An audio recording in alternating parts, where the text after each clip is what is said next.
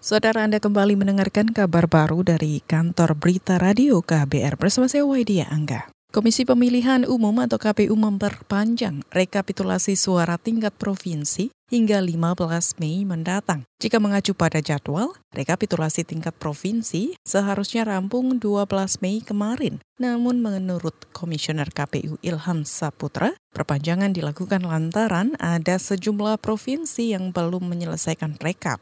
Meski ada perpanjangan, KPU yakin proses rekapitulasi nasional bisa rampung sesuai jadwal yakni 22 Mei 2019. Kemarin kita sudah buat surat edaran untuk memperpanjang sampai tiga hari ke depan.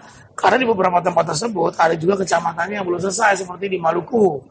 Ada di Maluku Barat eh, Daya kalau saya tidak salah itu sudah masih proses kecamatan untuk kita kejar. Jadi memang ada kendala-kendala uh, ada juga beberapa rekomendasi Bawaslu.